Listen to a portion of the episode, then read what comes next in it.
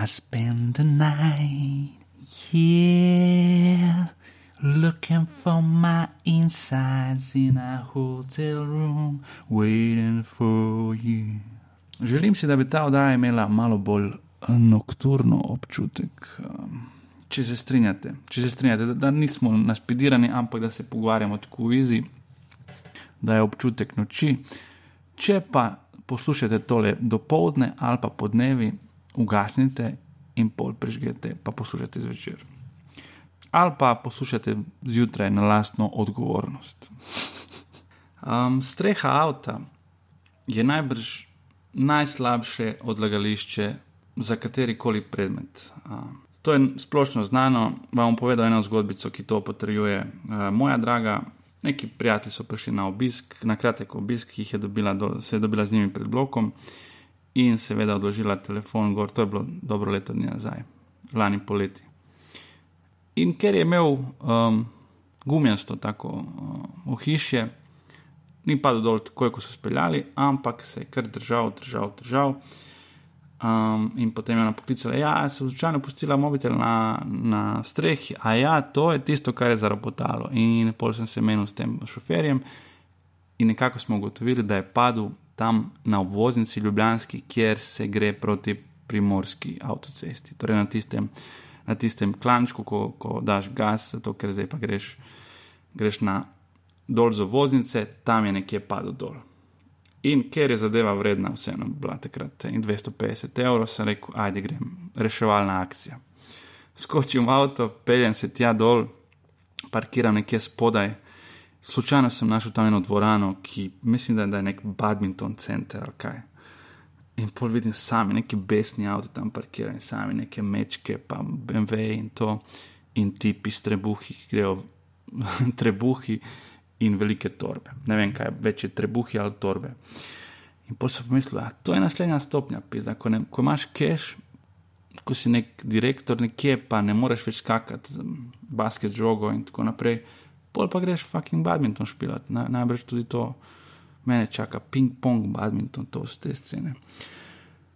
In preskočimo grajo, zgleda, kot da je uh, tale začetek uh, avtoceste, da, da je zelo zastopen, ampak v resnici ni, moraš preskočiti eno, eno varnostno grajo, tam sem preskočil in sem, sem šel gor, neverjetno je, kako pičijo avti. Ti misliš, da, da zdaj, ko, ko pičijo avti 100 na uro, da je to, ajde, 100 na uro, to ni, vseeno to ni 130, 150. Stari, če stojiš zraven avtoceste, ko mimo grejo avti 100 na uro, ali pa 130, to sem zgledal, zr, zr, zr, zr, zr, zr.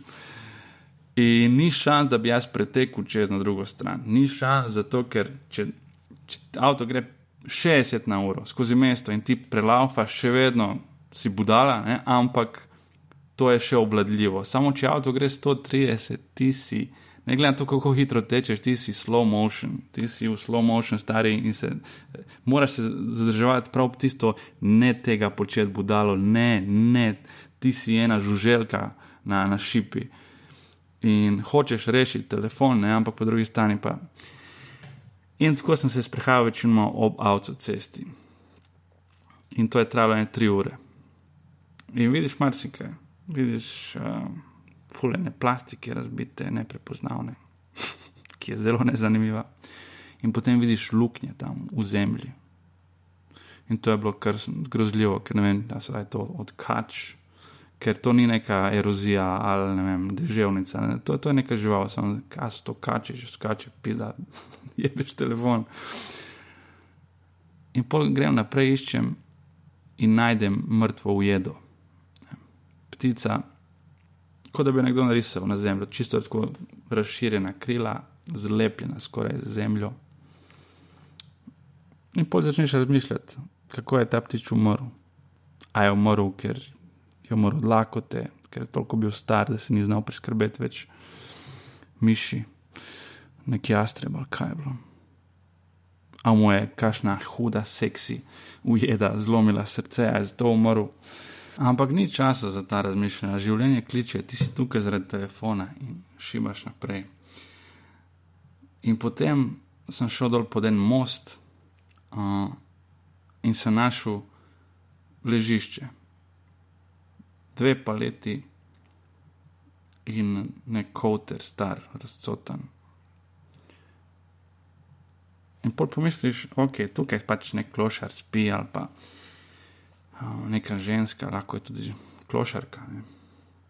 In mi vedno te ljudi, te klošare doživljamo tako, pač, ah, oni so klošare. Ampak ta človek je nekoč bil dojenček od nekoga. Nekdo je za njega najbrž fajn skrbel. Zdaj pa nekaj let kasneje, ta dojenček je zdaj tukaj pod tem mostom. Ampak nimaš časa razmišljati o tem.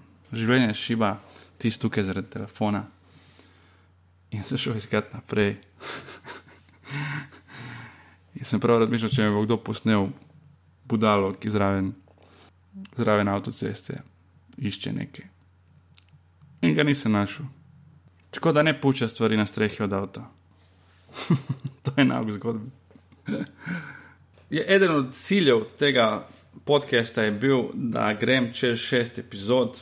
In uh, to je sedma epizoda, uh, zato ker je Tin vodopilec naredil podcast Bluzenje, ki je v bistvu nekako, vse je več komedij podcastov v, v Sloveniji, ne? mislim, da jih je Radio Gaga ima tudi svoj, pa tako ja. naprej. Ja, ampak uh, je pa tako, da tisto komedij, komedij v smislu, da ga stand-up komik dela, si imel samo ti in se rekel, ok, cilj je preseči šest epizod, pri katerih se je ustavil Tinov podcast Bluzenje. In ja, smo ga vsi zbirajo, stave zdaj že. Vsi, vsi komiki smo ga zabavali zaradi tega, ker je, ker je bilo fulzbe pričakovati, da bo Tin to opustil. Ampak. Kaj bo za pričakovati? Do, do, ne. Dobrodošel, torej ti v sedmi epizodi podcasta. Hvala. Uh, Ta epizoda ne bo išla, ker bom zdaj sabotiral. Ne, sedem je šesta. Ta je zdaj šesta. Ja. Ja, ne, sedma je. Ampak sedem, mogoče bom videl. Torej, Kako, kdo je pa to pričakoval? Tin ima uh, nove zobe, kar je tema, ki sem jo pokril že s pižamo, ampak dobro. Dej, jaz... Pižamo si pokril moje zobe. Ne tvoje, zobe. zobe. zobe. Ja, ampak ja, evo, ti povem, kaj je pri meni bilo. Jaz sem šel samo plačniško, takrat sem se s pižamo pogovarjal, zato da mi osmico spulijo ven, preostanek, ker mi je počela in potem sem se kar zahaklal. In zdaj tukaj hodim, pa sem pustil že goro denarja, ampak veš zgodbo z Zagrebom. Sem hodil redno v Zagreb. Ja, v Zagreb si hodil. Ja, ja, zato ker je malo ceneje. Ampak spet skoraj da ne toliko, da bi se splačalo uro in pol peljati tja in nazaj, sploh takrat, ko naredi nekaj, pa te pa ti v anestezija popusti tam pri trojanah. Ampak je, je pa tako, da. Ja. Všeč mi je, da greš v Zagreb čez trojane. Ampak ja, ok. ok, čakaj. Anestezija popusti pri. Čakaj, ja. trebnje, trebnje, trebnje, ja, trebnje. Okay. In, pol, pol sem, in pol tukaj, ko sem prišel, tam sem šel delati te estetske stvari, večinoma, ne, te, ne vem, enko so mi zamenjali, pa tako naprej.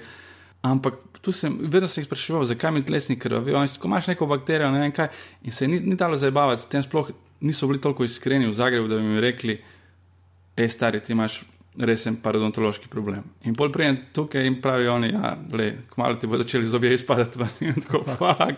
Uh, in je tako, da uh, ne vem, če veš to, to situacijo, ampak pa je, da je bila neka raziskava v Ljubljani narejena in da je 90% ljudi ima nek ustni problem. Yeah. Ja. Nekaj z zdravjem usti ni jih super, ampak 50% ljudi ima neko stopnjo parodontološke bolezni. Torej, vsak drugi ima neko stopnjo, in zdaj, če veš, zakaj tukaj gre, gre za, za bakterije, ki grejo med lesen in zob.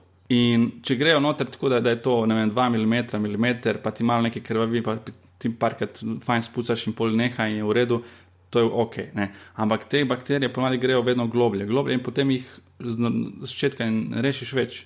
Z ničemer, z nitkanjem, z ničemer ne rešiš več in vedno globlje prodirajo. Ne? In ko so dovolj globoko, nastane gingivalni žep, fulvemo teh stvari. So, ja, ker ja. sem tudi prevajal za, ja, za krešet. Okay. Ja. Ampak je tako, da nastane ta gingivalni žep, ne, ki ti ga oni izmerijo, tako da ti da uh, neko iglo noter, na kateri je pač narisan, so narisani milimetri. In ti izmeri. In če tako pravim, 2, 3, 4 mm, to je tako majhna ali pa srednje, uh, srednji problem. Če pa je tam 10, 11 cm, uh, mm, pol pa imaš resen problem. In meni je pri dveh zobeh namerila čez deset. Uh, in v bistvu tako, zdaj sem imel pač to uh, čiščenje kamna, imel sem luščenje, kar je naslednja stopnja, torej za tiste bolj globoke stvari. In to zgleda tako, da ti vzame eno kljuko, ki je ostra navznoter, kot, nekaj kot srp. Ne? in s tem ti, tako, ti zapiči noter med lesen in zelo, koliko gre, in potem tako zelo, zelo srednjeve, srednjeveško zgleda in zveni. V bistvu tako, kako bi rekel, lušči to sranje iz zoba. Ne.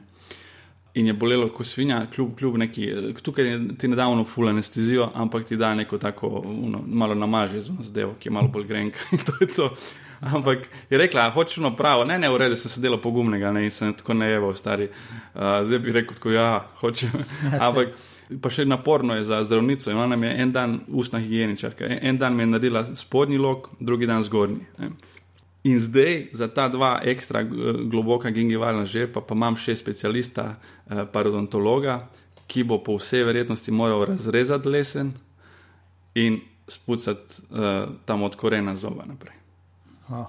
Tako da je tako, fako, je fako. Ampak jezen sem na te cepce v Zagrebu, da, da niso nikoli rekli, stari pa to. Ampak oni, vse te firme, veš, ko oglašujejo, uh, zdaj je ta uh, zobni turizem je prisoten. Ja. Oglašujejo, oni ti prodajajo ta hollywoodski nasmeh. In neke uh, protetične rešitve, in hočejo, da ti priješ. Ja, jaz bi imel tako kot Julia Roberts, e, evo, zdaj imaš kot Julia Roberts. Ne? Ampak v bistvu tako, ti ko greš k njim, imaš feeling, ok, jaz ti imam zobozdravnika, samo nimaš, nimaš, mislim, ne, niso toliko, se mi zdi, uh, da bi ti ponudili res tako neko celostno uh, skrb. Ja, ja. In zim, ne, ne, ne. tako poslušal povore, tako, ok, thanks. Ah, jaz moram se zobe umiti. Uh. Vse to je bil cilj, to je bil cilj, hočem, hočem prestrašiti poslušalce. Ne, ne, sam se mi zdi, da, da doskrat tako ljudje, ki priješ dobro, misliš, da ne, če sam lepo zgleda, na zven, mogoče da pa na znotraj. Ja, ja vse, ki vsi te uh, v, Hollywoodu, ne, te, te um, hollywoodski capli, bi rekel, okorn. Ja. Uh, oni imajo vsi keramične luske. Ja, na ja. zobe, ja, kar, kar pomeni, da imajo zobe v kurcu. Ne, tudi, ker, da, ja, da, da bi si dal gor keramično lusko, ti moraš zbrusiti no, ne, nekaj uh, sklenine, da ti da gor in potem vsakih 5-6 let jih moraš menjati kar ni panike, če si holivudska zvezda in imaš cache in boš menil. Ja. Ali pa nasplošno, če imaš cache in gotovo. Ne? Samo je pa tako, da, da še vedno to, tako, niso to tvoji pravi zobje. Ja, ja. Spomnim se enkrat, ko je bil uh, Jim Carrey bil uh, pri, v Angliji v tem šovu Jonathan Rossa. Ja. In mu nekaj tako, mislim, da je bil Jim takrat star, ne vem, če 40 ali 45. Pa mu ta Jonathan rekel tako res dobro zgledaš, kako tako dobro zgledaš. Tako, ja, ne vem, se, a ti ful športaš, pa ja, pa ne vem, tako malo yoga ali neki. Pa zobe, kako imaš lepe zobe, pa ah, they're fake. They're fake, se to ja. zgledaš, they're all fake. Ja, sej, mislim pa je, da je Ben, ben Affleck takrat, ko je dobil vlogo v filmu Daredevil. Ja. Um, moj prvi star, ko mu je rekel producent, da je to zelo zobe. Ja. Ja. Ker je bilo tako, oni imajo takrat ful take mečke, ne imajo. Ja, ja. Tako, lej, ne moreš biti Daredevil z mečkimi zubmi. Kjer je Daredevil, ima majhne zobe, zdaj. Ampak je pa vse fake in tudi je, je nekako bolano to, da mi hočemo imeti pri, pri 40, 50, 60 fulbele zobe. Ja. Zato, ker, ker to, da ti imaš bolj rumene zobe, starejši kot si, je čisto naraven proces. Ja. Čisto naraven proces. Uh, včasih so ljudje umrli zaradi tega, zaradi, večinoma zaradi teh tudi, mislim, veliko smrti je bilo posledica tudi te ustne higiene, pred leti, ki ni bilo, ne, ki si ti nekaj zagnojil, pa pol niso znali to popraviti in je bilo fertik, ni bilo pol, ja, ja, ti tle antibiotiki. Pa, um. Ko sloni. ja. Baj, da sloni umrejo, to sem nekje, sem pred leti prebral, da sloni umrejo zato, ker, ker pač izgubijo zobe. Aj, ja. okay. Okay, dober začetek, dober začetek. Ali pa si kar zmislil ta podatek, ne vem, ne, nekaj od tega je. No, ja, pa je tudi eh, netopiri, oni pa umrejo zaradi pomankanja spanja. okay. um, zdaj sem nekaj gledal, oziroma poslušal podcast uh, This American Life in naslov je bil nekaj How to Become a Badger ali Becoming a Badger. V glavnem, uh, gost je bil God Elmalay. Ne, in to sem poslušal na predlog enega izmed 17 poslušalcev tega podcasta, Blaža. In noter je pač zgodba. Šara od Blaž. Šara od Blaž. Zgodba tega, spremljaš kaj zgodbo? Blaža. Ja, Blaža. Lahko tudi blaže, da se lahko spremljam. Ful, uh, je na Twitterju. Se. Na Twitterju blaž. Ja, ampak spremljaš gada? Okay. Ja, ful spremljam gada. Že, že kar precej. No, zadnje pol leta. Ali pa leto. Mislim, sem ga gledal tudi živo, Gada. Ja? V Nici, ja, pred dvema letoma. Ja. Da, ja, v francoščini. V francoščini, bi jaz rekel. Ja, ker sem prišel ven iz šova, se mi je francoščina izboljšala za 70 postov. Zato, ker sem bil tako prisiljen, da se to koncentriram. Kaj je rekel, kaj je rekel, kaj je rekel. Ja, še en tako ful, dve uri te res šopa s francoščino ja. in si tako prav, a pa itek ti je dober, ker te to zanima. Ja. Hočeš vedeti, kaj rekel smešnega. In, um, on je tak prav francoski Seinfeld. No. Vse ene forme, ker malo podobne, ima. mogoče celo malo preveč podobne. Samo tako v Franciji naj vedeti, če ga je to. Ampak jaz spremljam ga že po moje. Od leta, ne vem, dva, v bistvu je zanimiva zgodba. Matjaš Tančič, fotograf, ja. je enkrat prišel na Panč, po mojem, leta 2008. Pa je rekel, ali sem gledal en film francoski, pa ta igralec, ki igra, je fult podoben tebi. Sem tako, to sem tudi jaz danes gledal. Tako, malo ti je podoben. Malo ti je, mislim, malo, v, v očeh ti je očeh, podoben, malo, ja. oči so ful podobne. Uh, je pa tudi drugače, tako, malo oblika glave in tako naprej. Je, je, je, je. No, takrat je on omenil tega igralca. Edino je... Joe Line, on ima čisto v kursu, ti imaš še karoki. uh, čakaj, ja, in, ja, takrat mi je Tančič mi rekel, da je ta igralec ful te podoben. In pa sem jaz šel pogledati, kaj je to za en film. In, uh, ja, in sem videl, da je v bistvu on igral v tem filmu tako neka komedija, romantična, francoska. In pa sem ga začel malo spremljati in sem videl, da je v bistvu tako en prvih bil takih ja. francoskih stand-up komikov, ki je prav tako najprej rado bolj one man show, pa pa počasi evoluiral v prav stand-up komika. Ja. Ja. Tako da ga spremljam praktično že na 8 let. No, jaz sem prišel uh, gledati še, um, kaj se dogaja tr trenutno z njim. In ne vem, če veš, ampak šel je zdaj v Ameriko graditi, uh, veš. Ja. Je šel graditi kariero, v smislu opustil uh, celotno to zgodbo, tudi v tem podkastu opisuje, kako je uh, on opustil. Tam je, je, zdaj ne vem, če je res toliko slaven, ampak je, da je tako, uno, Eh, da bolj ne more biti. Ja, on je, on je imel v Franciji en mesec, vsak dan razprodan kazino de Paris. Ko sem to rekel, ja. um, kar je tako dvorano za 3500 meseci in imel mesec 30 dni zapored, vsak dan predstavljal. Ja. In, in je rekel, pravi, da mu je postalo prelahko v Franciji, da se smejijo že, če odpre usta, prej še pove šalo in da je se odločil je dal to primerjavo. Ne, da, uh, kao, če se ukvarjaš, znači, če si futbaler in si najboljši uh, futbaler, uh, govorimo o evropskem nogometu, v Ameriki. Ja. Vseeno si želiš špirati za Real Madrid ali pa ja. za Barcelono, ali tako, hočeš ja. biti med najboljšimi in zato je on šel v Ameriko. In pol mu je ta rekel, američan rekel, ok, to je slaba primerjava za američane. Mogoče bi hotel boljši, če si kontra. Ko še rečeš, še evropski, hočeš igrati v NBA. V NBA ja.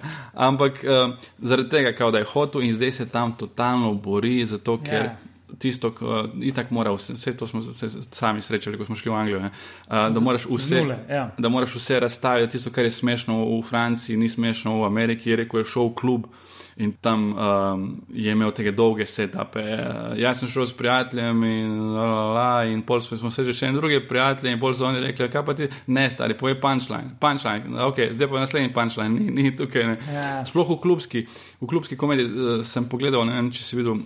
Roadwork od uh, Dave Atela.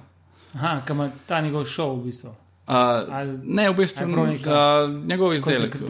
Tako, tako kot, ima, kot ima tale uh, crowdwork, uh, kaj že, Todd Berry, Todd Berry ne, ja. ko je dal uh, samo tukaj roadwork, da on dejansko da svoj material iz nastopov v manjših klubih. Uh -huh.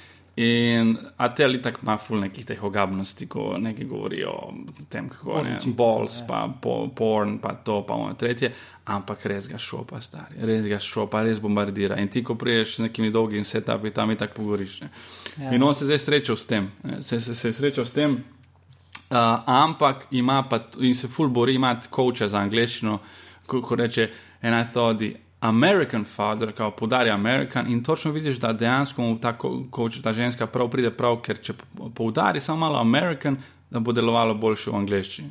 Ja, mislim, ja, to, kar je on se lotil, je tako v bistvu dober tak eksperiment. Ja. Je pa res, da on ima full cache.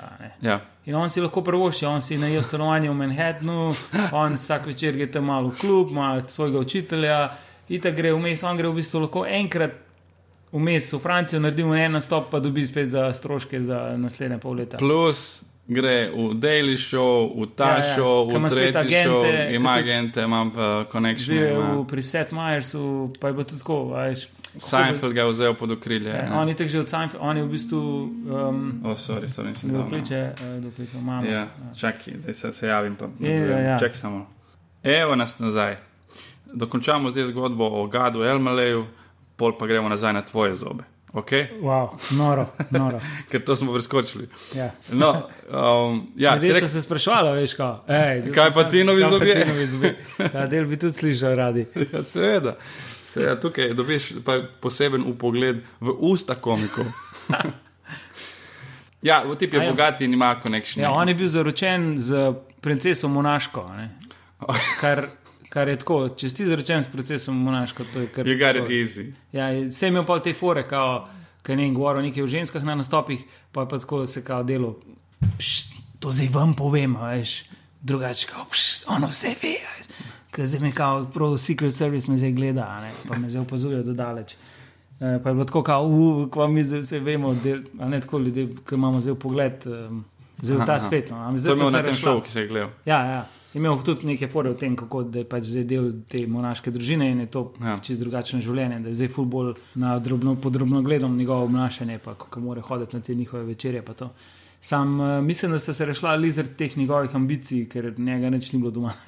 ja. uh, mi, otroka imate skupaj ne, in on je hotel to v New York, je skozi hodil, in tako je že predtem bil na turneji, če ni bil na turneji, je snimil film to so tako, vse jaz sem dokaj podoben, kot to, ja. če se razumem. Da je to ful težko. V bistvu, da si podoben ne samo fizično, ampak tudi po tej ambiciji. To, da je on, ker se je odločil si vzeti ta izziv, ki je res, ok, je bogat in vse, ampak vseeno izziv. Nisem ja. mu treba lomiti. Se je to moj Sanfeld rekel, če boš pomal po vrstu, bo eno. Se, se je bilo noter, so dali v, v ta podcast, se je že da posnetek. Ja, ja ko me pravi tako, jaz bom zdaj šel nastopati v Ameriki, pa tako Sanfeld ful. Why? Pa on je, ne, pa ful bi rekel to. Why? Pa on tako, ja, pa zdaj mi v Franciji ful dobr, pa tako, exactly. Ker Seinfeld je pa ful, Seinfeld je pravun zen budist, ki je prav tako, ja, ja, če ja. ni treba, ne delati. A, a imaš denar, imam, a ti je težko v življenju, ne, ni mi težko, pa pa uživaj, kvazi se tle je, veš, budala jedna. Pač. On pa tam hod po klubih, pa uh, se lomi, matra, se lomi. lomi ja. Pa itak, a ne, njegova angliščina se mi zdi v štartu, jaz sem gledal že neke njegove poizkuse pred leti ko je res ful slabo govoril angliško. Ja. Mislim, tako je govoril. To zdaj ne brilira, ampak. Ja, pa tudi ful ima tak trd na glas, ta francoski, kar je čisto simpatično. Sam spet, veš, on si lahko prevošči njega tudi francozi. On je imel v Londonu, v Royal Albert, Albert Hallu, je imel razprodano dvorano. Uh mhm. -huh. Se pravi, to francozov živi v Londonu. Ja, ja, ja. Vse konstantno ima to prednost, ima fulejnih prednosti. Ampak ja. pustimo njega, hočemo reči podobnosti med, med vama. Ti tudi delaš stvari kot jaz tebi govorim, why, why? Ja, ja. zakaj, ja. zakaj se lomiš, zakaj, zakaj ja. to, zakaj, zakaj se že.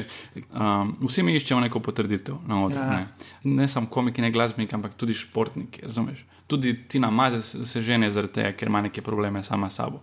Ker rabi več potrditve kot normalen človek. Je, rabi, ja. Vsi rabimo potrditev, ampak ja. eni rabijo več kot uh, ja. poprečno. Ampak um, kje, iz kje izvira pri tebi ta, ta zadeva? Ja, ne vem, meni se zdi, da mislim, se, zdaj se mi zdi, da mi je začelo malo upadati, zato sem se začel več s tem ukvarjati, bolj sem začel razmišljati o tem. Ampak pred leti vem, da je bilo to je ta vreča, vreča brez dna, ki ti v bistvu mečeš noter in misliš, da boš za filo vreča, ampak gre sam skozi in pol v bistvu ta vreča konstantno prazna. Enkrat sem poslušal podcast z Dane Cookom. In je on ima tudi tako podobno zgodbo, kot sem jaz, se mi zdi, zaznal, ker imaš to neko praznino v sebi in jo hočeš zafilati. Ne? Zafilaš, filaš jo z aplauzi, pa z neko potrditvijo. Ampak v bistvu to, te stvari so vse minljive. Vse tako pač, neč, pogreš pa domov in si sam v stanovanju in si tako, da se vse brez veze. Uh, in si spet nazaj v tem nekem, ja. aha, wow. Mislim, greš gledati komentarje na Twitterju, kako bo je kaj rekel. In pa le neki napiše, ta je beden. In si rekel, pa zakaj, pa tako se trudim. Tako da jaz mislim, da predvsem se moraš nekako navaditi živeti prvič, da ta praznina skoraj nikoli ne bo se zafilala, oziroma da, da se navadiš, ok, tukaj je, živim z njo karkoli in potem naprej ustvarjaš, predvsem zato, ker ti to rad delaš. Vse je smisel, da ga ti zaradi tega, ne, ok, vse ima denar, pa ima neko potrditev, pa ni jih tako, da se mu čisto vse smejijo, ampak On je res prav ne, na, nacionalni heroj ratu v enem trenutku, še posebej tudi zaradi te monaške zgodbe, Aha. ker je pač to bilo pol skozi v medijih, on je bil res posod v tračih. Ko se je ločevala? Ne, tudi ko sta bila skupaj, ne, mhm. ne, to je tako, da. To je tako, kot ima že bilo Brad in Angelina, tako ja. je bilo tako res dva lepa človeka, ki sta se zdaj najdla in sta oba uspešna na svojem področju. No, ampak eh, ja, jaz mislim, da. Ne bi jih Brad Pitt za Gadelno le omenačil, ampak kar se lepo tiče, ampak. Uh... Pa pa ne vem, je... Zdaj smo tako, da te verjamemo v glavo, ker smo rekli, da si podoben. Gadelmele. Ja, no, Gadelmele ima ful take uh, zanimive oči, res izraž, izražajne. Ja, zdaj poskušam popraviti nazaj. Se je vse v redu. Čakaj, moram ne, razmišljam samo o tej praznini, ki mi je to dokaj mi bilo, dalj časa mi je že ena taka tematika. Ponovadi pravijo, da je lažje delati stvari, ki so teže. Zato, ker kader se ti loči, lotiš nečesa, kar je te, večje in teže in bolj naporno in težko izvedljivo, bo efekt, ki ga boš dosegel, s tem ful večji. Medtem, ko če se ti lotiš, ne vem, če greš ti nastopati na Hrvaško, Ja, za nas je to velik dosežek, da en slovenski komik nastopa v Zagrebu, pa ima poln klub. Medtem ko to ne vem, vse ni nič kaj tazga, vse izoram pred njim vlade, ker vsi so že bili po Hrvaški in to nič kaj tazga ni, če pa gre nek slovenc nastopati na Finsko, je pa že bolj tako, a oni so na Finsko. Ne, se mi zdi, da tudi z percepcije ljudi teže kaj naloga, večji efekt. Um, mm. Tako da jaz mislim, da je on hotel se dokazati nekako, da, da je lahko del te scene, ker sem ga videl tudi v teh klubih. Njemu je fully všeč ta moment, da se on zdaj druži s temi komiki in da je del te ekipe ljudi, ki cele dneve razmišljajo o enih neumnostih. Uh, bolj kot tam v Franciji, kjer je on bolj v bistvu filmska zvezda, kjer nastopa v dokaj neosebnih dvoranah. Jaz sem tam, ki sem jih zgledal, ga, to je Kahala Tivoli, pač, pa imel je trikrat, tri, tri noči zapored, imel v Nici, v Palači, športni, ne vem, kaj je bilo. Mislim, da bo takrat 3500 ljudi tudi, nekaj ja. takega. In to je res, to pač tako. Najbolj smešen je un tip, ki je bil pred skupina, njegov, ki je imel enega kao, da mm -mm. ogreva. Je un tip sploh ni imel luči prežgane praktično na odru. Tako monitori so bili tako izklopljeni, ki je imel tudi uh, monitore. Uh, Pol je imel en, en nek tak, od zgoraj in zdol, eno luč, neko. Tako da je tako, fata sem mu ni videla, tako izgleda, da je jezen, ker so bile v brvi tok. In pol pa, pa gre pa on dol. In, in pol pa je ga, bam, luči, bam. In prav, oh moj bog, ta ti je res tako boljši. Pa silhueta zadaj, pa baba je, da ima večino imate neke rock entrance, da je, da je tako da res. Ja, pa oni tako neki s kitaro igra, pa.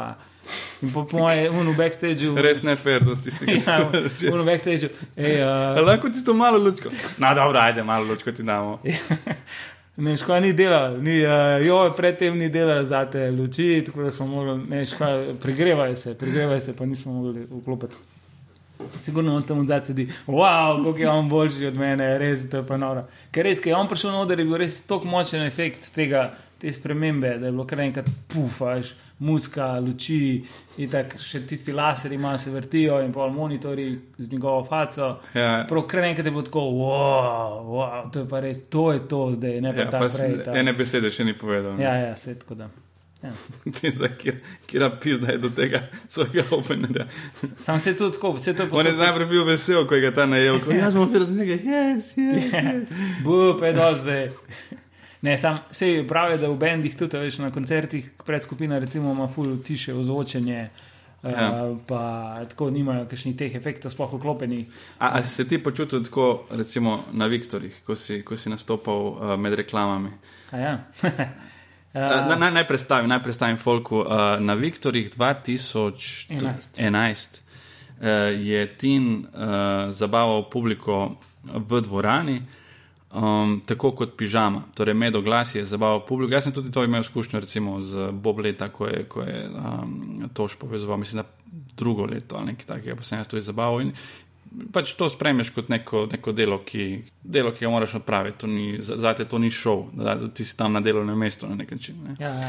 Uh, ampak še vedno je to dvorana, še vedno to pač ne, ne gre v eter. Ampak, uh, in se mi zdi, da sem, da sem ok opravil, ti si pa super si bil takrat.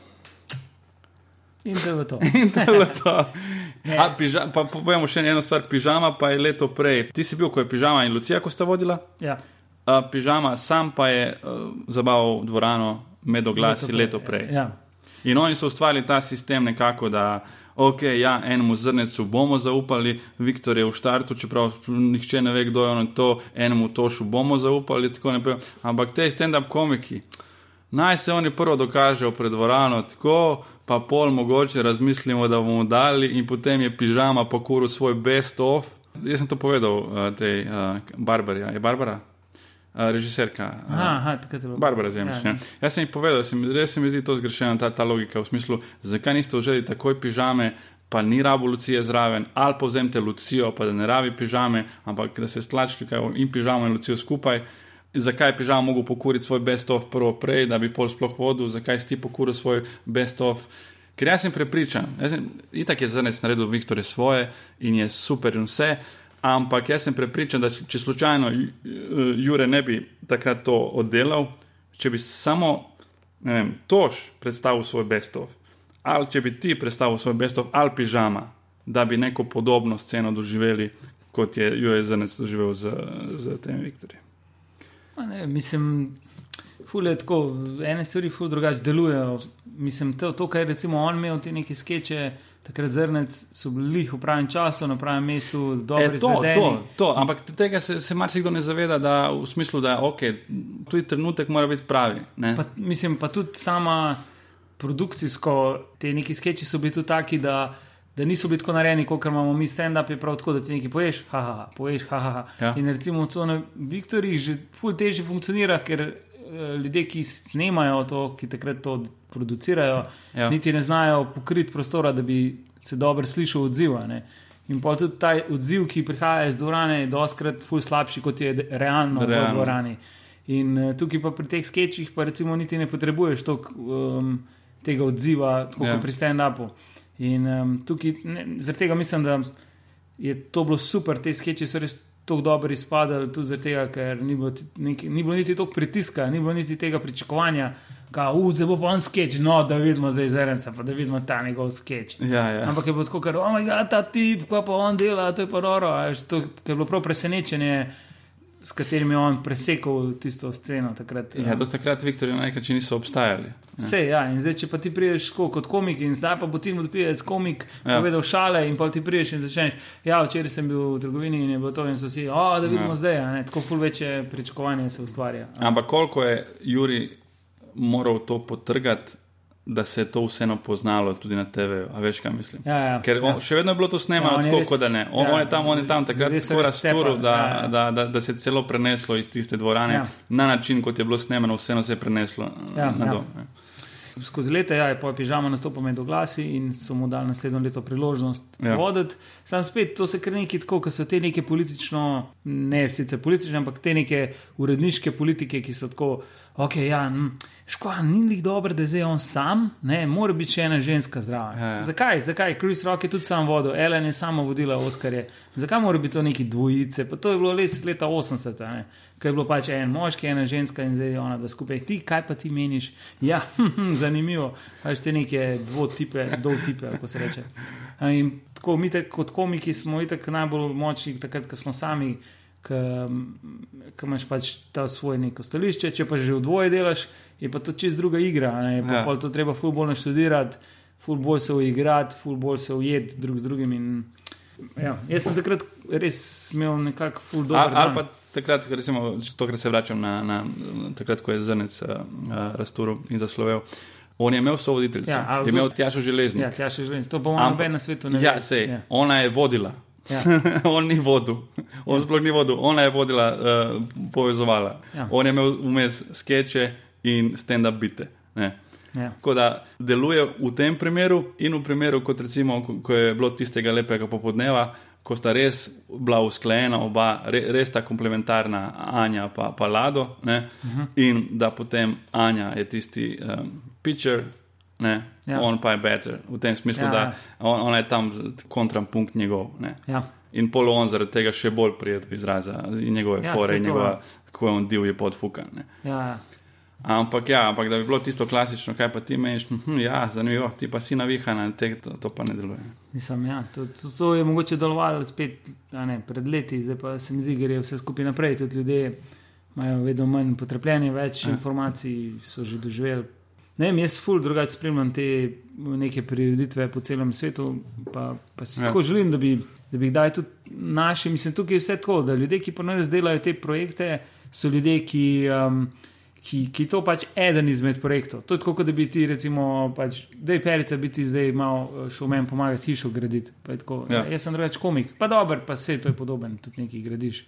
In te ljudje, ki delajo te prireditve, so tako, ok, imamo dvorano, imamo kamero, imamo režiserja, vse to je to, a še kaj rabimo. Noben ne razmišlja, upismo, kako bi zdaj prenesel. To energijo iz dvorane na kamero, noben je razmišljal, da ja, bi mi mogoče na začetku imeli tako, da nekdo reče: Dame in gospodje, tedaj toš. Recimo, kaj tedaj vodil na zadnje Viktorje, sploh ni bilo najave in je bend igral na začetku nek komad in ko je bilo konc komada, ljudje niso vedeli, da je zdaj ploska, ko je konc komada. In ja. pol tam čez ene zvočnike čez. Si videl toša, ki se matra, pa stopa čez, in tako in polka vam prije na oder, reče: Dobro večer, in ljudje so tako zdaj. A je to se zdaj začel? A ja, ja, ok, eni so ploskali, eni niso ploskali, sploh ni vlunga momenta, tarara, zdaj pa voditelj. Šel. Ja, ja, ampak je bilo kar tako. A, a ja, to je zdaj že on, a ja, ok, ja, da imamo ploskati. Prav ta moment je bil tako in je pravno, oh, kam on. No, Ker sem to videl, sem že tako, sem že hotel nekaj gledati. Um, Kateri pa so ti bili naj, najljubši Viktori? A je kdo opazil, da letos ni bilo Viktorjev? Ja, jaz sem opazil. ne, ne, vse so ljudje. Lani tudi, kao, a bilo, so bili lani 2015. Ja, so bili v Mariboru. Okay. To ne šteje. Nihče ni zaznal. Stari Maribor. Šar ja. avto Maribor.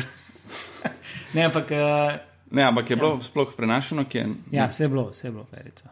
Kje je bilo? Dejno, da je spremni. ne, ne, resno. Ne, letos ni bilo, lani je bilo v Mariboru. Bilo ampak je, je bilo na TV-u? Ja, Emeršič je vodil na zadnje. A ja, to je bilo v Mariboru. Ja, ja ne, to sem gledal. To sem gledal. Ja. To toš pa pa Emeršič. Ne, sem gledal, sem gledal. In polih je sem bilo, da uh, sem gledal tudi Bojanovo to predstavo Mulc. Ne, in ko je izvedel ta bit, ki ga imamo v predstavi Mulc, ta o, o, kampiranju, pa ja. temu takrat je bilo samo wow. In tisto je lepo izdelan stand-up bit. Ja, ja. Po mojem, tudi on ima feeling, tako, da ko pride od tistega dela, je tako, kačing, tukaj, ja. tukaj pa je.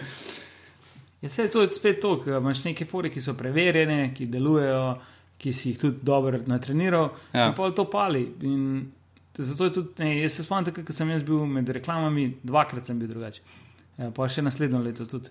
Um, in tako, imel sem fore, ki sem jih že stokrat povedal, ljudje so vedel sem, kako jih povedati, znal sem jih pravilno umestiti. Ja. In pol tudi vsi tam v dvorani so bili šokirani. Ja, ja. Kao, ko pa ta zdaj tip tle prišel. Res dober. Ja, ja, ti si tam raztural, ampak. Um... Smešno je samo to, kako to nobenega vpliva dejansko nima na nek svet, medijski in. Na splošno, na Slovenijo. Na Slovenijo. Zato, ker je, ker je ta. Zdaj sem pred kratkim eh, poslal na listo našo komentar od unga tipa, ki je napisal eh, pod to sketchoholiki pač novico na, na 24 ur in je napisal, a se meni samo zdi, ali v Sloveniji obstaja en krog kao komikov, ki so znani svojim prijateljem ali pa v Ljubljani. Na vrhniki in že na trojanah, živ Bog na vezanih ali nekaj takega. Razumeš, ja, kaj če ja. Ko je tako, scena obstaja 12 let, komiki, ki kao, ne, jih poslušajo, prijatelji nastopajo v najmanjših vukojebinah, tisoče nastopov se je odvrtelo po Sloveniji.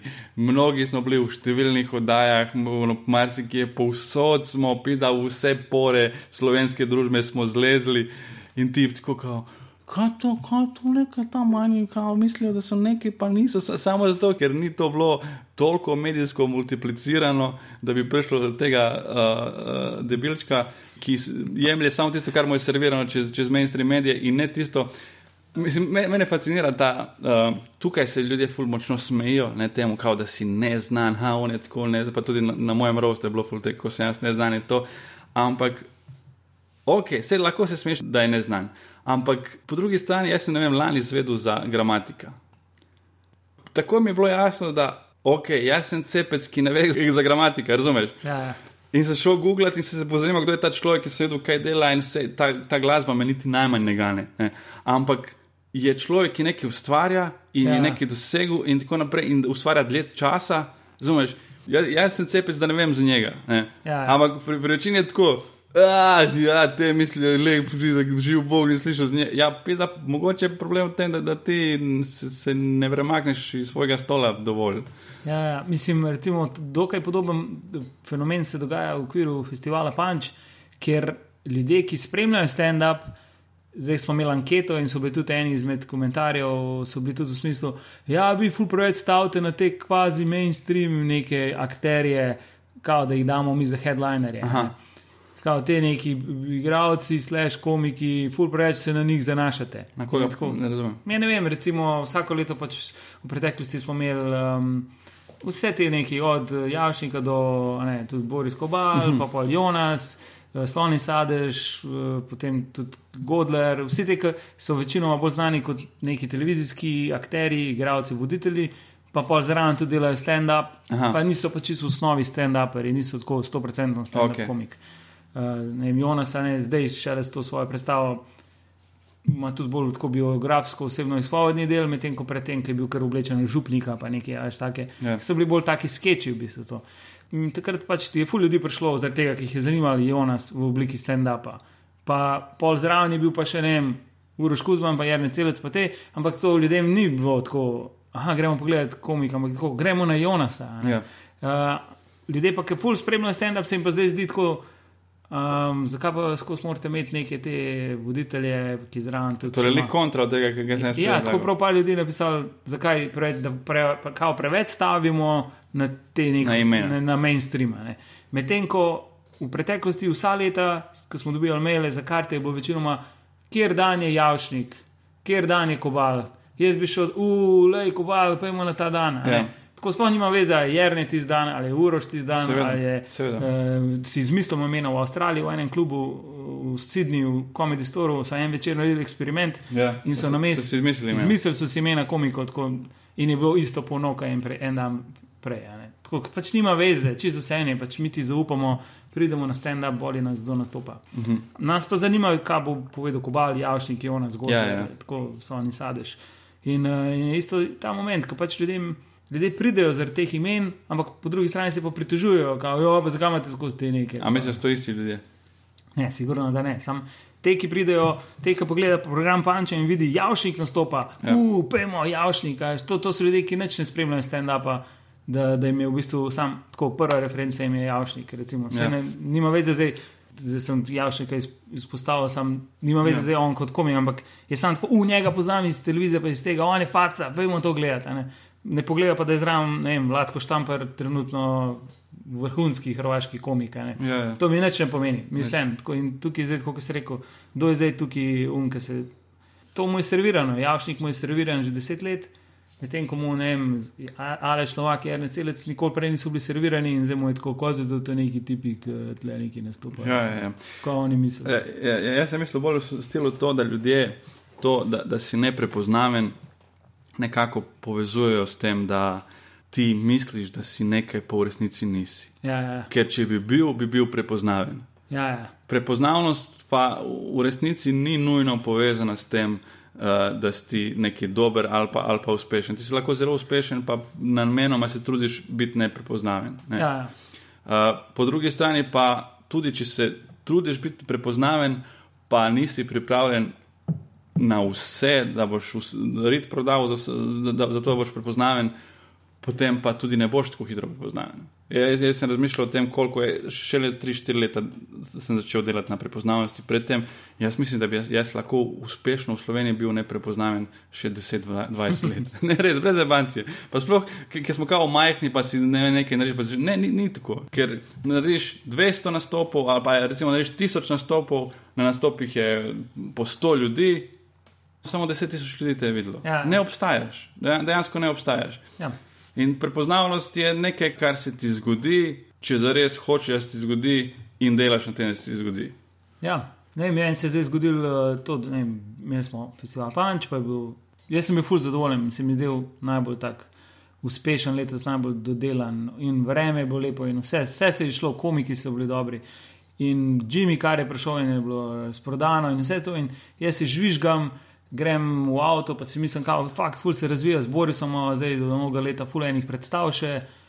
tako skozi dobivam neke ponudbe, da bi prišli tja, bi prišli sam maili. Tako se mi zdi, da je res laufa. Ja. In mi tako so se reče, pije, si videl, valič, domen bo vodil talente, nauš ti. Pa se mi zdi tako, ma ja, se meni kul, cool, ja, ne, sem mislil, da si ful razočaran. Ne. Ja. Tako, ne, jaz pa res žvizgam si, ko mi gre dobro v life. Ampak njemu je bilo tako, ti ne vodiš talento, ti verjetno si zdaj v depri. Pa tako meni nekako nekak še tako mi je rekel. Veš, to so veze, zihar je povezah. Ja, ja. Tako, ja, mislim, kaš, ne vem, kakšne veze sicer, ampak vse je super, meni se zdi dobro to, da pa vidiš vota. Ja, no, ne vem, škoda, da nisi ti. In, in tako, njegova percepcija je točno to. Ja. Ti ne vodiš talento, ti nisi znan, ti neki životariš, ti se boriš, nima, njega ne zanima zdaj, kaj jaz delam, pa kaj ustvarjam. Dej, povej, kaj delaš. Povej, kaj delaš trenutno. Ja. Ok, omenil si Jimmy Akara, to je bilo zdaj dve polni dvorani v, v um, Galusovi. Ja. Še kar uspešno, kaj ne? ja, ful dobro. No. Recimo v Zagrebu nismo mogli razprodati tega. Tukaj je pa skoraj drugo. Mi smo razprodali enkrat in enkrat je bila tri četrt polna. Okay. Tako da se mi zdi, da zanimivo je to, da smo slovenci toliko imamo radi stand-up. No. Malo je tudi to, da mogoče smo finančno malo močnejši kot Hrvaška. Sicer so bile tam niže vstopnine, se mi zdi. No sam spet ne moreš to knjiže dati. Tako da v Srbiji pa letos, recimo, sploh niti ni Jimmy nastopil, zato ker je uh mhm. -huh. prejšnjo leto uh, je bilo full slab ja. obisk Jimmyja v, v Beogradu, tako da letos niti niso šli tja. Svašta, um, zanimivo. Ja. Ker uh, Džuro je šestkrat na filo dom sindikatu. Ja. In tudi mi, ko smo imeli uh, pač te stand-up fest v Beogradu, vedno bilo polno. Ja, sej. Ne bom rekel, da ne znajo. Jaz mislim, da je predvsem za financno. Pri nas, če je vstopnina Prenes je bilo od 18 do 20. Ja, je bila razlika v stopnini, za te vse druge stvari. Mislim, v Srbiji, ne, v Zagrebu je poprečna stopnina za stand-up v klubih ja. od 3 do 5 evrov. In pa da daš, da z Jimmyja 20, je ljudem tako. Wow, 20, ajš, prenes pa vsem, špas teater ima nekaj. Ja, gledališ, kaj je no, no, normalno med 15 in 15. Ja, tudi, tudi 18 so te večje ja. predstave, cvetje v jeseni, so tudi tako po 25 karte, ne pa 30, ne vem, sicer križankah. Ampak pri nas to, kar je neka karta 20, je pač neka normalna cena, ne? ni, ni jih 50. Medtem ko v Zagrebu je pa 20, tako 20, oh moj bog, kot so normalni, ne? za ja. stand-up, če dam 3 evre za vladkota. Um, kar je zdaj spet njihov problem, ker oni že vsa leta ustvarjajo vse za 3 evre. In zdaj so malo zvišali na 5, na pet, pa je že to je bilo, kao, zvišali smo na 5. Veliko stvari se zdaj razvija, zbori so veliko delava skupaj, so se kar ujela, A, koliko se kaj se druži ta privat? Pa vse, vse se kar družijo. Mislim, dobiva se ponovadi vedno z nekim razlogom, da se bo nekaj ja. izmenila. Pa pa se ponovadi. Všeč mi je pri Borisu, ker je Boris podoben tak uh, efektiven pristop k sestankom, uh mhm, -huh. ki ni mhm. ono tako, da kar sediš pa malo bluziš. Ampak je tako, se dobiva, se zmenijo in pa greva. Ne? Tako je uno, ok. Ok, torej se, se ne družita. Družijo se tako, da vozijo. Delata. Vozijo se. Aha, takrat dejansko se moraš nekaj drugega pogovarjati. Kaj se moraš pogovarjati nekaj. Ja. Ne, se včasih je tudi to, so se navadili, včasih se tudi krpele v tišini. No. Uh, predvsem zdaj grede. Je ne, ker se ne more čemu okay. tri dni zapored. Čakaj, da moram ti nekaj sporočiti, kar najbrž nisi dojel do zdaj. He doesn't like you, man. torej na sestankih se dobita in se hoče pogovarjati samo, kar je nujno za biznis in pol gresta, kao, ker to obema kao ustreza in tebi tudi. In pol, ko se peljeta, je nekako rekel, da je fajn, da se peljeta v tišini. Okay. A se ti ni zdelo čudno, da je to dvakrat on predlagal? Okay, ja, bom zdaj dal na naslednjem sestanku pobudo na to temo. Ej, Boris, zakaj si mi nikoli ne pogovarjal? Ne, vse se, se, se pogovarja. Ful, pa jaz ga tako, včasih se mi zdi, da ga že spromam, maltretiram za ja, vprašanje. Ja, Kaj ga sprašujem in kako se pa to, kako pa je bilo to, kako si pa to delo? On je imel recimo svojo predstavo, ki je bil um, vodovodar, je bilo na slovensku. Ja, 250 ponovitev. 250, 250. Ja. 250, v katerem teatru to imamo? V, v, v uh, Kafe teater je to. Kafe teater. Torej, pol on šel po celi svetu. Katerega leta? To je bilo 2-5 ali ja, pa še malo kasneje. Ja. Mislim, ni, ni spet 15 let. Ja, ja. ja. Ampak 250, aj, in je rekel, da mu je na koncu že šlo tok na bruhanje ta tekst, da je pa na koncu.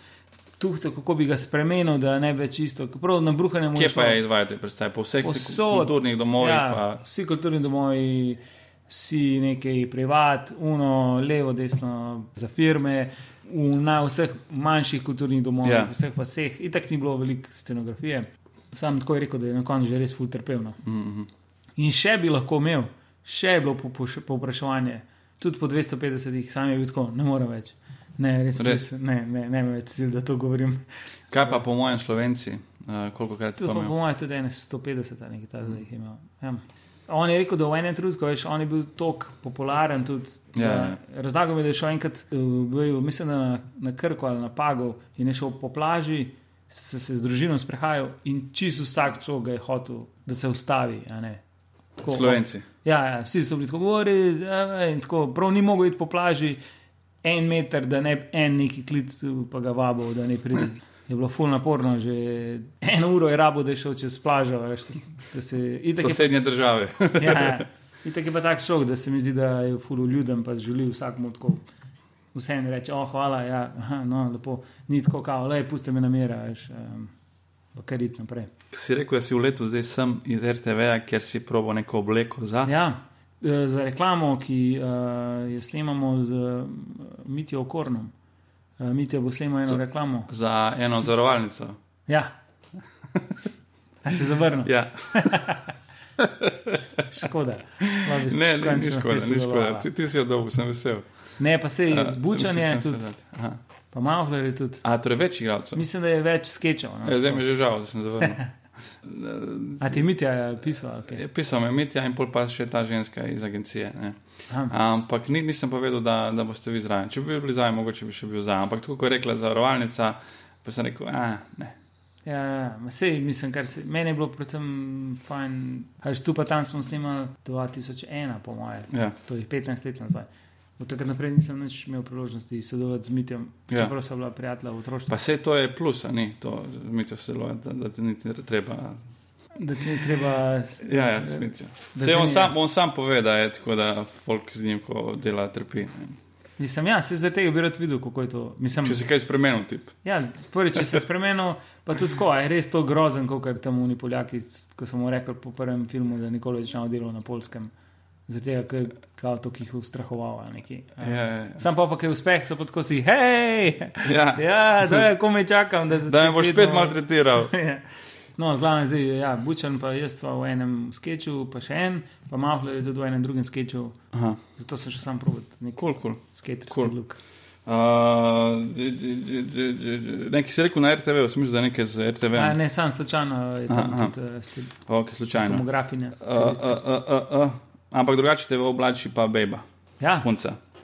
Mislim, Mislim, uh, vse, vse tipe oblačijo. Izvršni producent. Ja, tako, ja. Večino tipov oblačijo ženske, oziroma vse tip, ko se odpravljaš, ponadi pove, pa ne, ne boš tega oblekel. Ja, to, to, to pogosto slišiš. Ne? Mislim, če si moškega spola. Ja. Ampak ti to slišiš nadpoprečno veliko krat. Oziroma si v neki fazi, pol pa si rekel, ok, se bom čisto prepustil. To, to se hoče vprašati. Um, mi smo vsi že zdaj opazili, da si ti nje tukaj prepustil ful krmilo glede tega tvojega stylinga. Ja. In a je bil to njen pogoj, da ona rekla, le, če hočete jaz oblačim, pol ne mi ugovarjati niti malo. Ali pa je bilo tako, da, da, da si, si rekel, le, lahko me oblačiš, ampak hoče imeti uh, kot pri delničarjih, hoče imeti kot jaz 51%. uh, ja, ja, ne. Dobro vprašanje. Ne, ker je ja, težko ne, oblačiti nekoga, težko. ki se upira. Veš, kaj mislim? Ja, ja, ne, Ti hočeš nekaj obleči. Težave, drugače z prijateljcem tudi, ja. z vsemi, ker pač, a ne. Ljudje smo zasidrani v vzorce, pa v stare neke oklepe, in ti v bistvu uh, se počutiš najbolj v neki razlečeni majici, stari, ker imaš neko ja. sentimentalno navezanost na njo. Uh, sam doskrat ne zgleda dober. Um, ja, tako, ona načeloma ima dokaj tako, tako politiko, da zdaj, če jaz za nekoga delam, mislim, tudi druge oblači, je tako, lej, jaz sem videl, koliko ima ona znanja, ker ima, je res toliko predana, tisoč ja. procent je predana. Modi vse ve, kar se dogaja, vse spremlja, ve, zakaj je to, ve, zakaj moš imeti tle to. Vse je tako, ko ja. vidiš enkrat, te v bistvu ta njeno znanje, ta avtoriteta pride z znanjem, ne, ja. ne z ustrahovanjem. Uh, tako da bi bilo zdaj tako, kot ta strofa, kot si oblečen. Ampak ti, ko vidiš, da ima prav, se pa lažje prepustiš. Ne. Je ja. pa res, da je na začetku imela full muke z mano, ker je bilo pač tako, ne, no, jaz to res ne bi, pa ne počutim se dobro. Pa je bilo ono, pa se full dobro zgleda, pa je tako, ja, ampak to me bo jaz zafrkaval. Uh, kdo te bo zafrkal? Ja, komiki si bo rekel, uh, se je res se je dogajalo, recimo v Srbiji, ki sem imel na plakatu za desert, ja. sem imel zapisnice, ki jih mi je ona seveda predlagala. Ja. In prva, prva njihova reakcija je bila, a zašto si obučen kot peder? Ne, to je bilo tako. Samo zaradi zapisnic. Ja, ja. tako kot sem bil v kravati, pa tako kot neki. Ja, ja, ja, kravata, peder. peder. um, tako da, ja, jaz vam to. They should see you now. ja, wow, thanks. ne, sorry, sorry. Se, se. Uh, ne, ampak uno, uno, ne, uno se mi niti malo ni zdelo gej. Pač imel si, uno se mi je zdelo bolj tista, tista, ej, tista smaž zavihane rokave na, na sukniču, kar je že v 90-ih letih gledalo tako, oh, pizali, kaj smo delali, smo vihali rokave na sukniču. Ampak zdaj so spet, ej, ja, ja. mislim, že nekaj časa, zdaj, že to tudi se mi zdi, da ja, počasi. Takrat, ko sem jaz zavihane rokave, je istočasno se zgodilo, da je Justin Bieber prišel na neke nagrade, pa je imel isto. Zavihane, ja, ja zato, ker so se 80 vrnili, ampak. Ja. Uh, hoče reči, tisto mi ni zelo niti malo gej, samo zato, ker sem imel par zapestnic. Mislim, ja, unim, v Srbiji je tako ta prva reakcija. Ja, ampak ja. zdaj pa hodiš okrog z, z pač jakno, ki ima gor ro, ro, rože, ne, ja. rože, kar je še bolj pogumno. In zdaj, če bi šel v Beograd, kaj, kaj bi bilo? Ja. Pa ne, pa se zdaj, nisem, ne, bo, kaj, ne bi bilo. No. Ne, ampak dejansko je zdaj to, da da ta akt mi je ful pri srcu in je ful z veseljem nosim. Čeprav me vsi tako sprašujejo, zakaj nosim nekaj, kar ima rože. Ampak ka, ne razumem. Mislim, meni se zdi, da, da sem se upiral in zdaj sem nekako. Tudi sam malo bolj začel spremljati. Ampak to... zdaj, zdaj a ti je bed obleč jakno, ki ima rože gor. Ne, ne mislim, da to, to sploh ne. Ja. Ti mi nikoli ni. Mislim, hecno je to, kako se to relativno. Zakaj bi sploh bilo bed? Mislim, se, se, ne, ne, ne, govorimo o tvojem počutju. Ja, ne, ne, ne, ne, govorimo o tvojem počutju. Zato, ker je. Uh, obstajajo ja, vzorci, da obstajajo tudi neki, neki predsotki, v smislu uh, roza, uh, fulje nekih poceni for na to, na tipe, ki nosijo roza majčke, uh, srajčke ali pa tiste uh, losus barve, pa ne vem ja. kaj, ker roza je za punčke, modro je za fante in te neki stereotipi. V resnici pa nekoč uh, je bila roza moška barva in, in modra dekliška. Ja, zanimivo. Ne, se, se mi zdi, da da tudi z internetom, z Instagramom, z vsemi temi aplikacijami, tudi to vse postaje bolj kot del naše družbe. Da ni, až imaš na Instagramu milijone enih profilov, kjer tipi pač se fotkajo v različnih stylingih. Ja. Tudi vegetarijanstvo, veganstvo je v Angliji zdaj naraslo za 340%. Ja. Zaradi Instagrama, je, ker pač folk fotka hrano in ti vidiš, da recimo ne rabiš imeti mesa zraven v, v jedi, ne, pri, v nekem obroku. Tako, in, in vse to zdaj vse spodbuja v to, v to neko globalizacijo, da zdaj pač, ne vem, se, če pomisliš 30 let nazaj, ne vem, leta 70, to se pravi 40, 50 let nazaj, ženske niso imele še volilne pravice ja. v Švici, pa to, koliko smo fulno napredovali, zdaj pač ni več čuden, če moški nosi čevlje, ki imajo peto ali kar koli. Ja, mi smo napredovali. Smo, uh, kaj že je tisti, uh, zdaj sem bil uh, Ludvik. Ja, pa te, ki so bili 18, na čelu. Se ni ja, važno, kje je. Ja. Takrat je bilo to simbol možatosti. ja, da si ti imel, uh, imel si visoko peto. In oprijete štr, štrample do, do yeah. kolena gor. To je, to je bilo, razumeš, in, in, in, in lasuljo, in, in žensko lasuljo, mislim, dolgo laso, to, yeah, yeah. lasuljo in meč. Ne. Tisto je bilo, bilo ne simbol uh, tako moške, ampak možatosti. Ja, ja. Tako da nismo jih napredovali. Ne. Ampak ja, se, se vrti, se vrti, se vrti vse v krogu. Ja. Uh, ampak je pa tukaj predvsem tisto, da ja, sem tega navaden, tega nisem navaden, to je tisti peder. Ja, pa t, dejansko je res to, da ti pač ne vem, ker sem prej temu življenju nisi s tem ukvarjal in pol mi je manjca tako rekla, pol neki, si mi pa razočaral.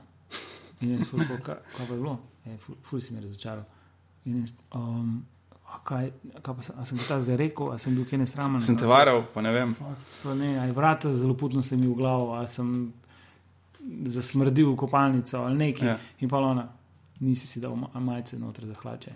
Pa sem ti rekel, da to zdaj izgleda katastrofa. In pa tako, ja, fuck. Se pa se je začel smeti, sam je tako v trenutku, ko mi je rekel, se mi je pa razočaral, sem mislil, fuck, konce, nekaj sem naredil tako hudo, Pizarja. V bistvu pa, da nisem imel majice. Ja, za, za njo je bil to kriminal. Uh, ne, ne, pa dejansko, če ti, ja, ne, to, to je njena služba in zdaj ta cel komplet Pa če nekdo ve, da ona mene, da jaz predstavljam njeno delo, je dejansko jaz razumem, da to je tako, kot če si fitness trener, pa imaš uh, stranko, ki skozi razlaga, da si njen fitness trener, ti si pa debel. Ja. In je tako, slab je ta tvoj fitness trener, če si že en let debel. Recimo, um, tako da jaz razumem, če ti za nekoga predstavlja, da mora pol, da ta človek gleda vse detajle, od tega, kako imaš majico. Kako, recimo na rostu je full motil, ker nisem si srajce zapel še to zgornjega gumba. Je rekel, da ta srajca, ta format srajce, rabi imeti za pet zgornjih gumb. Aha, aha. In jaz eh, pozabil sem se pokazati, preden sem šel. In je bilo pa skozi cel čas, da so mi zapeli. Sploh ni mogla spremljati šal. Ja, tako se nekaj pojem, in ona ni zapet, ni zapet, ni zapel. Zakaj ni zapel gumb? Zakaj mi ni poslal slike prej? Joj. Ne, se malo karikiram, ampak ja. Ej, uh, Jimja smo omenjali, uh, jaz nisem tak fan Jimja, koliko je, kolikor je uh, recimo ono svetovne merilo popularen. On je hud craftsman, ja. ampak je bolj biznismen kot res komik. komik. On, ko ima za nov šov, ve, da ima se staviti 160 one-linerjev. Mislim, da jih, ima, da jih naredi 500, pa jih 200 pa ostane. Aha, dobro, se ni važno. V glavnem in pol jih bo naredil in oblikoval in tam, in potem bo vse ravno šel in bo z njim zaslužil, in pol bo spet nekaj drugega in tako naprej, in bo šel na roast uh, roba lova. Si gledal roast roba ja, lova? No, sem gledal njegov ta vložek. Ja, ja. ja jaz, jaz sem ga pogledal cenega, eh, celega, dober, uh, dober roast, in da so ga totalno neuravnovesili z tisto. Uh, kaj že en, tisto neko desničarko, ki je full za Trumpa. Ja, ja, ja. So ga full neuravnovesili. Ne um, Ker so vsi njo tokali. Ja, pa tudi kasneje, tako ta backlash je bil tak, da bolje ona odnesla v njeno smer, šlo kot Aha. v smer. In je tako, zakaj se sploh vabili. In potem sem gledal še en podcast, uh, kjer je uh, Joe, pri Joe Roganu bil eden od writerjev gost in je rekel, da so oni njej napisali šale, s katerimi je bila boljša, ampak on je rekel, no, I'm gonna do it my way. Aha. In pol zaradi tega je pogrnila. Ampak, ko mi je bral one šale, mislim, da se tudi v njihove ne bi odnesli, da bi ona začela nekaj scala čez sebe. Tako, ne, ja. itak, da, da je rekla temu ne, ampak ona je bila, kao, why you, wouldn't you acknowledge you're a piece of shit? Because you are, kao, itak, da ne bo si priznala tega, ne, ampak se ni važno. No. Ja, ja. Ja, ja, no, v glavnem, hočem reči, tam je bil Jimmy, je tak tip, ki pač čisto komercialno to dela in, in super, krajsmen je hud, ampak čisto niti malo nek, nekega duha, neke umetnosti, nič takega. Medtem ko pa Eddie Izzard, tudi Dylan Moran, sta bolj v tej smeri in oba sta mi bolj pri srcu. Sploh e, Eddie je bog, ne? Eddie je bog uh, in je živeč velikan stand-up komedije. Po mojem ne, nekem osebnem stališču je res tako, da pri stand-upu je največji majnik to, da dosežeš, da, da res narediš stand-up toliko svoj. Ne vem, če je kakšen komik. Je pa Louis. V zadnjih. Louis. Louis ja ki je toliko vplival na druge komike. Ja. Mislim, da Louis je Louis zdaj, v tej kategoriji. Ja. Let, ja, ampak on je neverjeten vpliv uh, imel na komike, tudi na te. Um, če pogledaš starejše posnetke tebe ali pa Ivana Šariča, to je vpliv je zelo, zelo očiten. Ja. Uh, ampak hočem reči, uh, ti pa si imel to čast, da si ga lahko gostil, spoznal celo je sam te vprašal, če boš odprl za njega tukaj in si odprl, uh, pol si ga pa šel še pogled v London, da je povedal vse skupaj, to tvoje doživetje z ja. izradom privat. Ful je bilo res tako, da bi mal sanjal, zato ker že tist, takrat, ko se spomnim, že to, da je Edi prišel v Slovenijo, vse skupaj je bilo res. Lobiranje, moj nek projekt, uh, več let dolg. Ja. Kamorkoli sem prišel v Angliji, sem vsem govoril, jaz bi furil, da je pride v Slovenijo, la, la, la, in pa vsi so bili tako. Ja, in pa enkrat dejansko se je najdel nekdo, ki je bil tako, ok, jaz njega poznam, mu bom rekel. A res? Ja, Ava Vidal je v bistvu ta komičarka, ona je bila punca od eh, Briana, ki je pa bil režiser njegovih DVD-jev v 90-ih. On je režiral tiste DVD-je, Live, The Ambassador, pa to, in ona je bila njegova punca. In pa rekel, bom jaz rekla, edijo, ki so se družili skupaj, takrat, ja. čeprav ona, da niste bila pol več skupaj. In je pa res en dan srečala Edija v Comedy Store, meni se di in mu je rekla: Hej, veš, zdaj sem bila v Sloveniji, pa tam ti ful hoče, da prideš. In je on bil tako kul. Cool. Ampak glih takrat je organiziral to svetovno turnejo. Tako da je ja, se je planiral. Ja. In pa je ona mu dala moj mail, že to je bilo meni, oh, Edi ima moj mail, oh moj bog. Um, sicer ni ga imel on, ampak verjetno menedžer. In pol ene leto pa pol kasneje je prišel mail. uh, živijo Tin, jaz sem dobil mail od Ave, uh, mi bi naredili zdaj turnejo z Edijom po celem svetu, da bi tudi bili še zainteresirani, da pridejo v Slovenijo. In tako, prosim, se je bilo ime, da jih popančil v Zagrebu, da sem bil v hostlu, zjutraj sem odprl mail in tako, tako mail od hm. Mick Perrin regarding Eddie's World Tour. In tako, fakt, ne morem verjeti, da sem tako dobil mail v zvezi z Edijom. Um, ja, in pol prišel in že prej sem ga najprej slišal po telefonu, ker sem delal intervju z njim pa sem bil tako živčen, po mojem, tako švico sem. Fakt, gledal sem tako, bo ja delal zvočen, tako da bom posnel tudi, pa snimal sem še s kamero. Vse se sem poslal, se spomnim. Ja. Tako res sem bil tako živčen in pa res sem tako, hello, hello, in jaz tako, oh, fakt to jedi. In pa, ja, tako pa, pa vse skupaj, ne vem, takrat v Ljubljani je bil ful, je bil, polk se je začel šov, veliko komikov, tudi Jimmy, se mi zdi, kako pridejo nekam so kratko malo, vedno malo nadrkani neki. Tako, ja. tako, ni način. Pa pa, ko malo pride k sebi, ko malo nekaj popije, malo poje. In ko je bil Edi enkrat oblečen, da bo šel na nastop, je bil tako ful drugačen, ful je bil bolj sproščen, pa je prišel do mene, pa je mi nekaj sprašval, kva mm. nastopam, kje nastopam. Predtem pa. Predtem pa tako neč tam neki, kao ne ga motiti zdaj, neč mm -hmm. pusti ga na mir. Tako neč sam neki rekel, živo, brez besed praktično šel v garderobo. Ja. Um, pa pa tudi uh, tisti dogodek tam na, na nastopu v Cankarju, ki sem za njega odpiral, je bilo čist tako surrealen. Ne? Nisem čist tako, da nekaj sanjam in zdaj mi je on napovedal, tako nekaj.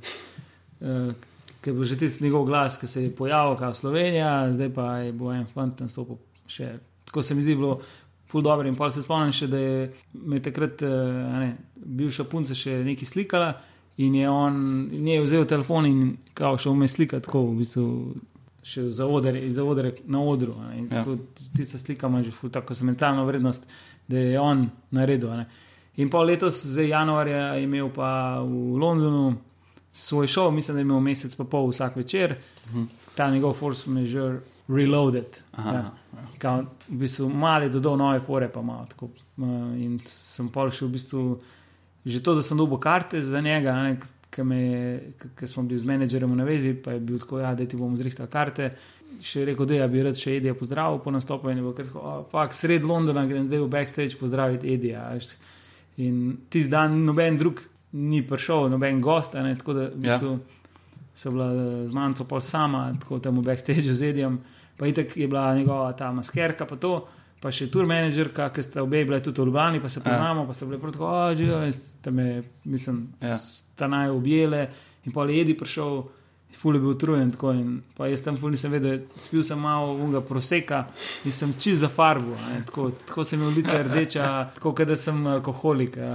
In pa je Edi prišel in sem rekel, tako, a, ful, a si ful shujšil, pa on tako, ja, ne jem kruha. Uh, Pol je skaj neki njemu tam, neki, ja, ne, drugače, drugače, dober, odkar smo se na zadnjem videli. Pomaga, ker tam sedel, pa tako Ful je tako čuden, ker ne veš, da jaz zdaj ful nadlegujem s tem, ker sem tle. Ja, ja. Uh, pa tako, sem uspel, da zdaj se moram nekaj z enimi družiti po nastopu. Ja, v tem um, primeru po mojem treba ful opozovati pač neke telesne znake pri človeku. Ja. Če, če, v smislu, kot pa da se hitro ugotoviš, če je človek zmatran, ja, ja. A, a če, ga, če, če, če iz kurtoaznosti se pogovarja ali ne vem. Ja, ja. Je pa tam sedel. Ker želiš si, ful želiš si kost njega, ne? ampak ja, ja. vprašanje je, koliko je v tem trenutku ja. pripravljen. Ja, tako je ful delo. Tako...